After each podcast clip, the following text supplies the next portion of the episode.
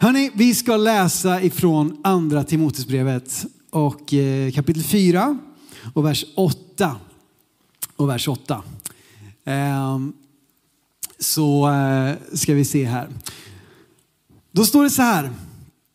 Paulus skriver här, det sista han skriver, han är gammal man vid det här laget och skriver han att nu väntar mig rättfärdighetens segerkrans.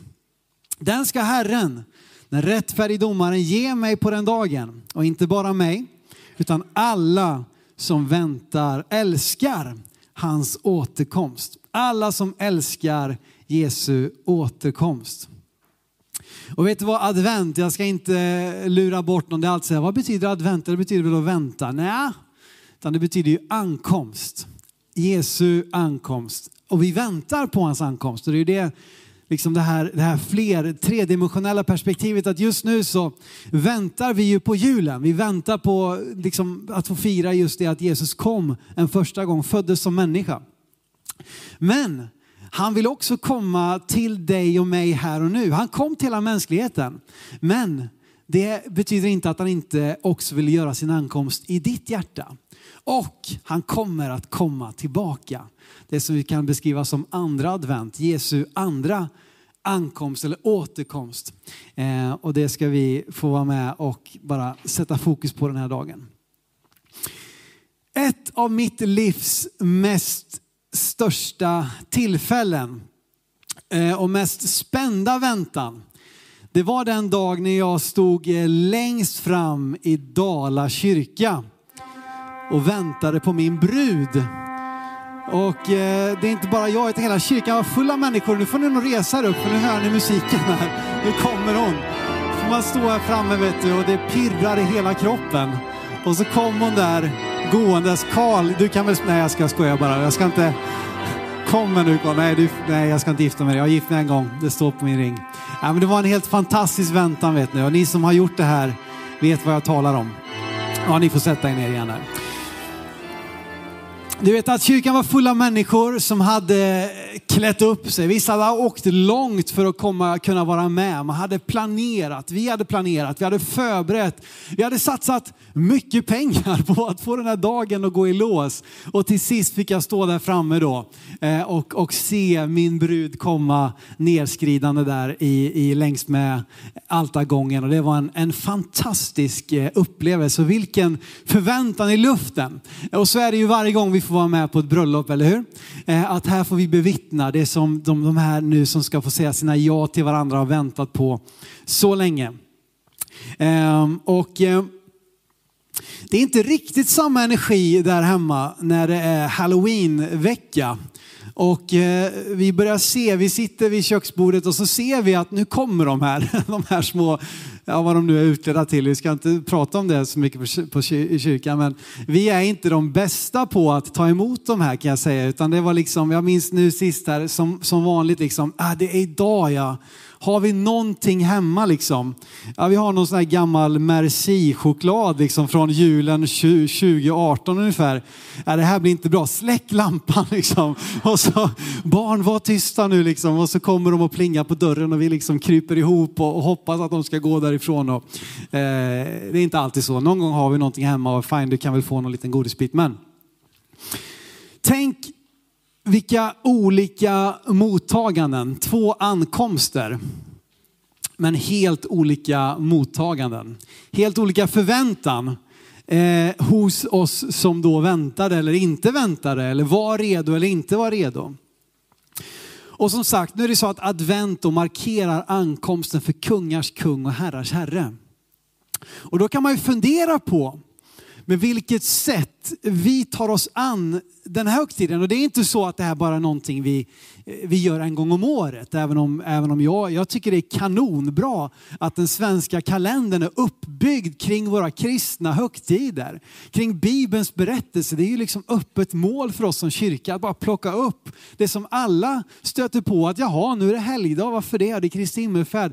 Alltså det, jag tycker det är ett otroligt eh, förmån att få leva i ett land där liksom våran, våran kalender är uppbyggd kring Jesu liv mer eller mindre. Sen är det ju ändå så att det är någonting som är levande och aktuellt året om. Ehm, och som sagt, hur gör vi oss redo då på detta? Hur har vi en förväntan ungefär som de där barnen som kommer och, och knackar på på halloween? Eller är det mer som att vi gör oss redo Ja, som en brud står det ju faktiskt i Bibeln, på tal om den bilden, att församlingen liknas vid Kristi brud. Det är vad det är, ingen annan konstig förklaring utan Kristi brud är Guds församling. Och det talas om i Bibeln att, att bruden ska vara redo när brudgummen kommer. Då blir det motsatta roller, då är det inte brudgummen som står och väntar på bruden utan tvärtom. Vi som brud, vi som församling ska vara redo. Och frågan är, är vi redo? Har vi en förväntan? Förbereder vi oss? Får det här kosta på i våra planeringar, i vår ekonomi, i våra prioriteringar? Att göra oss redo för eh, Jesu ankomst. Och som sagt i det här tredimensionella, ni vet att Jesus är densamme. Igår, idag, i all evighet. Jesus han har kommit, han är här och han ska komma. Tre stycken advent om du så vill. Um, och hur tar vi då emot honom? Och det är det här som är så häftigt. Då. Du, du kanske har funderat på, om du har lite koll liksom på, på, på, på kyrkans högtider, varför kommer in en dag från påskveckan när vi ska tala om, om advent? Ni vet, vi talar ofta om det här med Hosianna, Davids son, men det var det man sjöng när Jesus kom ridande på åsnan in i Jerusalem. Eh, den, den tionde nisan alltså, som, som markerade starten på eh, högtiden. Varför kommer det in mitt i julfirandet? Ja, men det har just med Jesu ankomst att göra. Det har med hans ankomst att göra. När Jesus rider in där vet ni, på en åsna. Det är den starkaste bilden som vittnar både om hans första och hans andra ankomst. Nämligen han rider in där som ett lamm. Det var samma dag som han förde in lammen i Jerusalem för att, för att granska dem och se om de var värdiga att användas i påskmåltiden några dagar senare. Samtidigt rider Jesus in här på den här åsnan som Guds lamm, som ett fullkomligt lamm som är utan synd, utan fläck. Han kommer prövas och visas vara värdig att också då offras för våran skull på påsken. Men han rider där och då som en kung också. Det var många av Israels kungar, David, Absalom med flera, kan vi läsa om att de använde mulåsnor. De red på, så det var en, en, kunglig symbol också, även om det var ödmjukhet, det var ett åsninnans föl. Men det är inte bara det, utan det var också en kunglig signal. Här kommer kungen ridandes. Och när Jesus då rider in här så, så, så förkroppsligar den här händelsen, både den första gången han kom, som Guds lamm för att ta bort världens synd, och den andra gången han ska komma tillbaka som kung för att upp upprätta Guds rike och sätta ett, göra ett slut på ondskan, slut på orättvisan, slut på orättfärdigheten och upprätta sitt fridsrike som ska vara för evigt.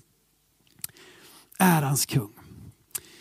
Och många gånger så har vi läst psalm 24 som är en, en mäktig psalm just kopplat till detta. Vi ska göra så också idag. Så man kan se just det här temat. Eh, och vi ska läsa ifrån den slutdelen där. Och här hittar vi också eh, rubriken på min predikan idag, Ärans kung. Men i psalm 24, vers 7-10, där står det så här. Höj era huvuden, ni portar. Höj er, ni eviga dörrar, så att ärans kung kan tåga in. Vem är han, ärans kung? Det är Herren, stark och väldig. Herren, väldig i strid. Höj era huvuden ni portar, höj er ni eviga dörrar så att ärans kung kan tåga in. Vem är han? Ärans kung. Det är Herren Sebaot. Han är ärans kung. Sela. Sela. Ärans kung. Ärans kung. Höj era portar, höj era huvuden och låt ärans kung draga in. Har ni suttit och lyssnat på första adventen och sjunger Gören portarne höga och dörrarne vida att ärones konung må draga därin. Ja, det det fick ni, någon fick det de kom hit för idag i alla fall. det är Skönt. Eh, men det är en fantastisk eh, härlig psalm. Lyssna på den vet ni, med Loa Falkman, då är det liksom tryck i grejerna. Men i alla fall. Eh, man tror att det här var en psalm som upp, har sin uppkomst och sin bakgrund i det tillfället när David för förbundsarken in i Jerusalem. Ni vet, det hade stått i tabernaklet på lite olika platser i Israel. Men när David blir kung så gör han ju Jerusalem och Gud har utvalt den här staden till att vara Israels eviga huvudstad och det blir det då genom kung David för 3000 år sedan. Och David bestämmer sig för att vi ska ha tabernaklet, förbundsarken, den ska vara i Jerusalem, ingen annanstans. Den ska inte ha en perifer plats bland vårt folk, utan den ska stå mitt i centrum, i huvudstaden, på Sions berg. Samma plats där Abraham var redo att, att liksom offra Isak och det här var en viktig plats för eh, judarnas folk. Så han för in den dit då. Eh, och så bär man då den här eh, förbundsarken, det är en lång story runt det. Men att det här då var en psalm som David skriver, antingen som han skrev liksom vid det tillfället eller som han skrev efteråt för att fira när man då förde in den här förbundsarken in i Jerusalem. På ett sätt kan man säga att där tar ökenvandringen slut där fullbordas ökenvandringen. Ni vet att Israels folk de blev ut, eh, eh, utförda ut ur Egypten, blev befriade från slaveriet och där i öknen så var det ju så att Gud då eh, instruerade att de skulle bygga förbundsarken och tio Guds bud och bygga tabernaklet och allt detta. Och sen då har den en resa, men här nu så anländer liksom förbundsarken som ju på något sätt är symbolen för Guds närvaro, anländer in i Sion, in i Jerusalem och där på något sätt skulle man kunna se det som att där avslutas ökenvandringen. Nu är Gud på plats liksom i, sitt, i, sitt, eh, i centrum av sitt folk. Eh, det är en ganska häftig tanke att tänka. Och eh, I Talmud, då, en annan judisk skrift, så beskrivs det att det här var en psalm också som användes vid templet. Att folket ropade att tempeldörrarna skulle öppnas och ärans kung släppas in. Och inifrån templet frågade prästerna, vem är den ärans kung? Och folket svarade, och liksom, eh, så här, det, det är Herren Sebaot. Herren härskarornas Gud. Han som är befälhavare över hela himlens armé. Det är han som vi ska släppa in. Ja men då, då har, han har access. Han har rätten. Han är värdig att träda in i Guds tempel. Och så ser vi den här bilden då när Jesus rider in här, in i, eh, in i Jerusalem och så kopplar vi samman de här händelserna och så blir det väldigt starkt tycker jag. Har du tänkt också på att psalm 24 kommer efter psalm 23? Det är logiskt va? Psalm 24 kommer efter psalm 23. Det är liksom, vi går lite djupt här idag. Men så är det psalm 23, ja, men, Bibelns mest välkända psalm. Herren är min herde, mig skall inget fattas. Hur slutar den psalmen? Är det någon som kommer ihåg? Att jag ska bo i Herrens hus för alltid eller evinnerligen eller vilken översättning du har. Jag ska bo i Herrens hus för alltid. Det är där, som, det är där liksom min herde för mig in i hans närvaro. Och vem får då träda in i Herrens hus? Vem får gå in där? Jo men det är ärans kung. Det är han som har rätten, han som har accessen. Det är han som gör att det blir ett hus värt att, att vara i, att bo i, att befinna sig i Guds egen närvaro. Och vi vet också i det nya förbundet att vi är ett tempel för den helige ande. Att Gud också vill träda in i våra hjärtan. När templet raserades så sa Jesus jag ska bygga upp det igen på tre dagar. Och så undervisar Paulus att nu är vi tempel för den helige ande. Och även i våra hjärtan så kan vi låta ärans kung träda in. Häftigt. Höj era huvuden står det här. Höj era huvuden. Gör portarna höga, gör dörrarna vida, höj er. Liksom bana väg, gör plats för ärans kung, Herren Sebaot. Det vittnar ju om någonting här, om en, en, en vördnad, en respekt, någonting storslaget, en entré värdig en konung. Jag tror inte att Gud är sån att han kräver det storslagna i form av guld och lyx. Tvärtom så är det så att han föds ju under väldigt enkla förhållanden. Bland fåren, bland djuren, läggs i en krubba. Han föds in i det enkla, men han, han, han är trots det kung. Eh, men vi som mottagare kan ha en attityd av att nu är det kungen som kommer.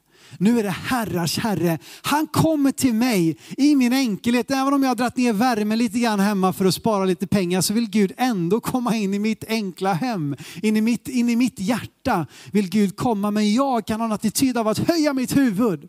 Av att öppna upp, av att göra plats för Gud i mitt liv. Han förtjänar platsen, inte bara att liksom trängas in i något litet, litet hörn av mitt liv, utan han förtjänar att få, liksom, få, få, få utrymme i våra liv, i våra hjärtan, i våra hem. Därför att det är en kung vi tar emot. När kejsar Wilhelm skulle besöka Jerusalem under ottomanska tiden i slutet av 1800-talet, då var det så att då öppnade man muren ni som har varit i Israel, vid Jaffa-porten, det är enda platsen där, där muren inte är liksom sluten utan den är öppnad där så man kan åka in med bil där.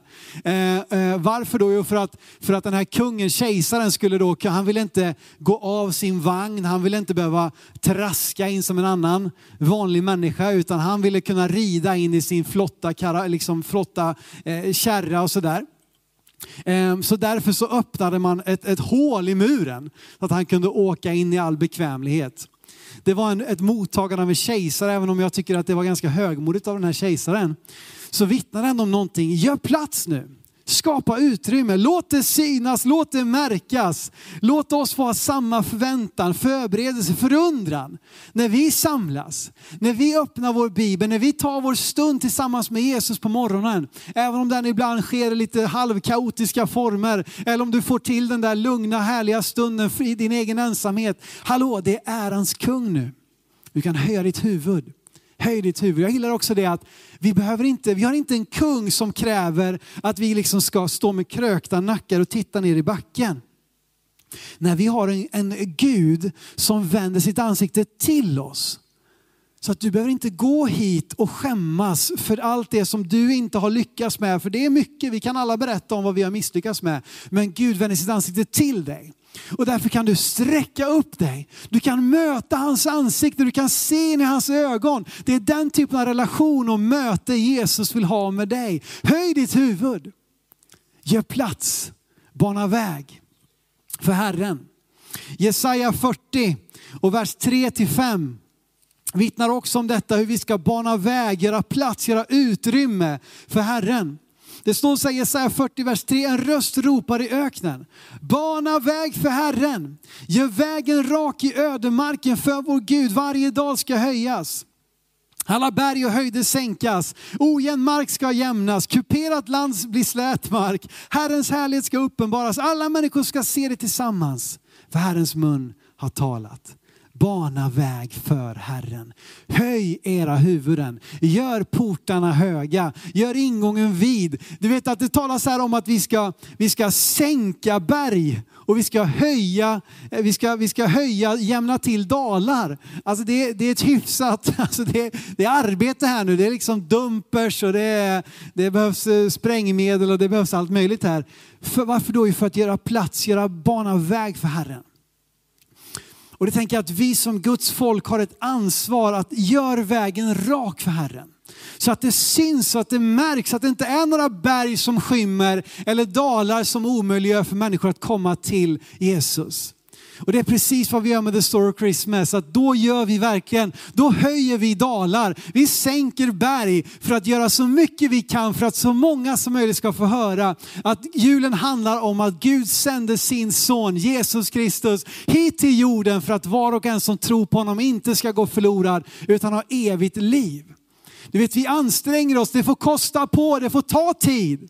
Varför då? Jo, för att vi banar väg för Herren. Att han ska kunna tåga in i ett hjärta till. Att han ska få göra sin advent, sin ankomst in i någon mer människas liv.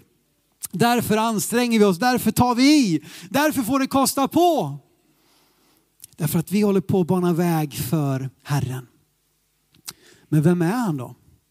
Vem är han? Det är en bra fråga. Och det handlar ju om också om, om, om liksom legitimitet. Vem är han? Han skulle få tåga in då för det första genom stadsmuren men sen också hela vägen in i templet. Här kan inte vem som helst släppas in. Vi kan inte bara tillåta vem som helst att ha fritt ingång och utgång i våra liv utan vi behöver ibland sätta en gräns för våra hjärtan. Och ställa en fråga liksom, i olika situationer. Vem är du? Var, vilken access ska du ha i mitt liv, i mitt hjärta? Och jag hoppas att många ska ställa frågan den här julen, vem är han? Vem är Jesus? Eh, vad är meningen med mitt liv? Finns det någonting mer än det jag ser? Vem är han? Och låt oss svaret höras klart och tydligt att det är Herren. Det är Herren Sebaot, härskarornas Gud, hela himlens eh, befälhavare. Det är han, det är Jesus. Att Jesus skulle få bli tydlig i människors liv, att Jesus skulle få bli synlig i människors liv. Men det är också så att han var tvungen att vara, vem får träda upp? Vi ska backa ett par verser bara i psalm 24. Psalm 24, vers 3-4. Vem får gå upp på Herrens berg? Vem får komma in i hans helgedom? Den som har oskyldiga händer och rent hjärta som inte vänder sin själ till lögn och inte svär falskt. Jag tror det är en utmaning till oss som, som personliga kristna att vi får be om förlåtelse, att vi får vända om från våra egna vägar, från våra egna synder. Men vi kan också konstatera att det är ingen av oss som aldrig har fallit på de här punkterna. Ingen av oss kan säga att jag har helt oskyldiga händer, mitt hjärta är helt rent, jag har aldrig tänkt på lögn, jag har aldrig gjort någonting som var fel. Ingen av oss kan stämma in på den förklaringen, på den beskrivningen. Men vi har en som stämmer in på den förklaringen. En som var oskyldig, fläckfri, som levde ett felfritt liv för att kunna ta straffet i vårt ställe, för att öppna upp Herrens helgedom, templet för dig och mig. Det är bara Jesus som kan göra det. Vi behöver påminna oss om vem Gud är. Vem är det som vill komma in? Vem är det som begär access? Vem är det som träder här fram? Jo men det är Herren, det är ärans kung. Härlighetens kung, Herren Sebaot. Det är han som vill komma. Det är han som vill få komma in. Och låt oss påminna oss om vem Gud är. Låt oss påminna om vem han är. Därför att det som händer när, när bergen reser sig i våra liv, när, när, när omständigheterna hopar sig, när dalarna bara blir djupare och djupare som vi går igenom, så ser vi inte Jesus lika klart längre. Och det är väldigt lätt att vi tillåter allt det där. Vi ser de där höga bergen som jag aldrig kommer kunna. Det var, berget var för högt för att klättra läste vi, eller sjöng vi förut här i sången. Och dalen kan vara så djup att vi inte ser någon väg upp ur det. då skyms sikten av Gud. Och vi ser inte vem han är, vi, vi, liksom, vi, han blir grumlig. Men då behöver vi påminna oss om vem Jesus är. Det är ärans kung. Herren, härskarornas Gud. Och vad läste vi om här? Jo men det är Herren stark och mäktig väldig i strid. En annan översättning säger att han är oslagbar i strid. Han är Herren, stark och mäktig, oslagbar i strid. Det är den han är. Och jag tror att vi skulle också ta det här till oss. För det första måste det få landa i våra egna hjärtan. Att vi får en egen, kanske inte förståelse fullt ut, men en egen, en egen tro. En egen bara en, en, en, en, en liksom förväntan och förtröstan på att Gud är den han säger sig vara. Men när det har tagit plats i våra liv så finns det någon annan som behöver din bekännelse. Det finns någon annan som behöver din proklamation över sitt liv. Någon som ännu inte har sett Jesus, någon som ännu inte har hört. Och du vet när Jesus red in i, i, i Jerusalem då kommer precis samma fråga. Ska vi läsa det bara, Matteus 21 som beskriver den här händelsen. Matteus 21, vers 10-11. Som, som, som just beskriver när detta ska ske. Och när, när Jesus då rider in på den här åsnan och folk ropar Hosianna så står det när han drog in i Jerusalem. Kom hela staden i rörelse och man frågade, vem är han? Folket svarade, det är profeten Jesus från Nasaret i Galileen. Och du vet, det finns människor runt dig och mig som behöver din och min bekännelse. Ditt och mitt vittnesbörd. Att du och jag kan få tala om vem Jesus är för oss. Vem Gud är, vem Bibeln säger att han är. Och där kan vi få vara med och proklamera större än våra egna liv. Större än rummet. Vet ni, vi sjunger lovsång här. Jag tänker aldrig att det är bara lovsång för oss som är här inne samlade i gudstjänst. Jag tänker att vi sjunger lovsång för våran stad. Vi sjunger lovsång för dem som du kommer möta i veckan. Att det som vi proklamerar, det som vi sjunger ut, det som vi ber ut. Det är någonting som ska få, liksom, som ska få stråla ut som, som ett fyrljus som, som liksom når längre och längre. Och därför våran tro, våran bön, våran lovsång, våran bekännelse, våran förkunnelse. Jag vill tro att det spelar större roll än bara för oss som är här inne, den här råkar vara här den, just den här söndagen. Någon annan behöver ditt svar. Det är Herren. Det är ärans kung. Han är stark och mäktig, han har hjälpt mig. Han har fört mig hit. Han har hjälpt mig, vet du vad, jag, hade, jag kämpade med det här i mitt liv men han har frälst mig. Jesus är min Herre, Jesus är min kung. Och vet du vad, du kanske inte är en teolog som kan stå och förklara varför salmer har kommit till. Och inte för att jag hävdar att jag är någon värst vidare teolog, men det du har, det är ditt vittnesbörd. Det är din berättelse om vad Jesus har gjort för dig. Jag vill uppmuntra dig att ta tillbaka ditt vittnesbörd. Var stolt över det du bär på. Du kanske är som jag, ja, men jag har vuxit upp i kyrkan, jag har inte gjort något uppror, jag har aldrig varit i någon gängkriminalitet och jag, liksom inte, jag har inte haft någon denna dödenupplevelse. Ja, men det är väl ett underbart vittnesbörd att Gud har bevarat dig. Det kan du få dela med dig av. Du som kommer från en mörk bakgrund, du som har kämpat med nattsvart mörker, du som har kanske haft problem med depression eller ångest som Gud har lyft dig upp ur. Ja men vet du vad, det kan du få berätta. Det kan du få vittna om. Och så kan det som du beskriver den människa, men vem är han då den här Jesus? Vem är det ni pratar om? Vad är berättelsen om julen egentligen? Då kan du och jag få vittna både om vad Bibeln säger att det är, men också vad han har gjort för dig och mig. Och jag vill uppmuntra dig, den här julen kanske du skulle få dela ditt vittnesbörd med någon. Kanske du bara skulle i all enkelhet, vet du vad? Det här har Jesus gjort för mig. Det här är vem han är för mig. Salmen slutar med det här ordet som dyker upp ibland. Som vi kanske inte riktigt vet exakt, men det står sela på slutet. Sela. Och det kan mycket väl vara så att det var en typ av eh, liksom instrumental eh, anvisning. Men det finns också de som menar att det, det står för paus. Att det står för stanna till nu. Nu har, vi, nu har vi läst det här. Vi har proklamerat det här och bara stanna till. Vad betyder det här? Tänk lite grann, fundera lite. Om det här är den, om det här talar om Jesus, vad betyder det för mig i mitt liv?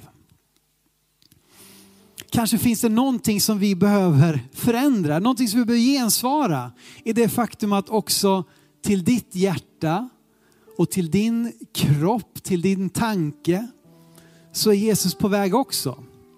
Och han står där vid ditt liksom hjärtas dörr och knackar på och väntar på om du kommer att låta honom komma in eller inte. Så finns det någonting, jag behöver stanna till, sela, ta en paus, tänk lite på det du har läst.